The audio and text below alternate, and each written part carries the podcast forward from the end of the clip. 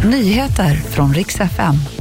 Nyheterna ska handla om nattens dödsskjutning i Tullinge och om tufft sportlovsväder. Orkanvindar väntas i svenska fjällen. Vi ska börja med nattens mord i Tullinge där en man sköts till döds tros vara kopplat till den våldsspiral som har pågått i Stockholm under de senaste månaderna. Mordet tros vara en hämndaktion och mannen sköts i en bostad i Tullinge söder om Stockholm. Ännu är ingen gripen för mordet. Och i Örebro där attackerades en kvinna i förmiddags av en man med ett vasst föremål. Enligt uppgifter från polisen så var mannen okänd för kvinnan.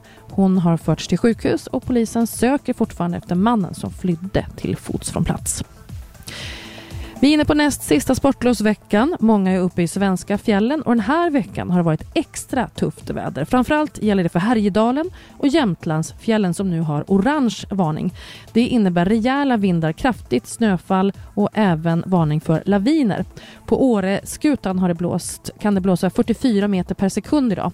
Så flera anläggningar har stängt sina liftar och man uppmanar folk att stanna inomhus. Alltså inte läge för någon skotertur eller ut och fika i snön snön utan planera för inomhuslekar istället kanske.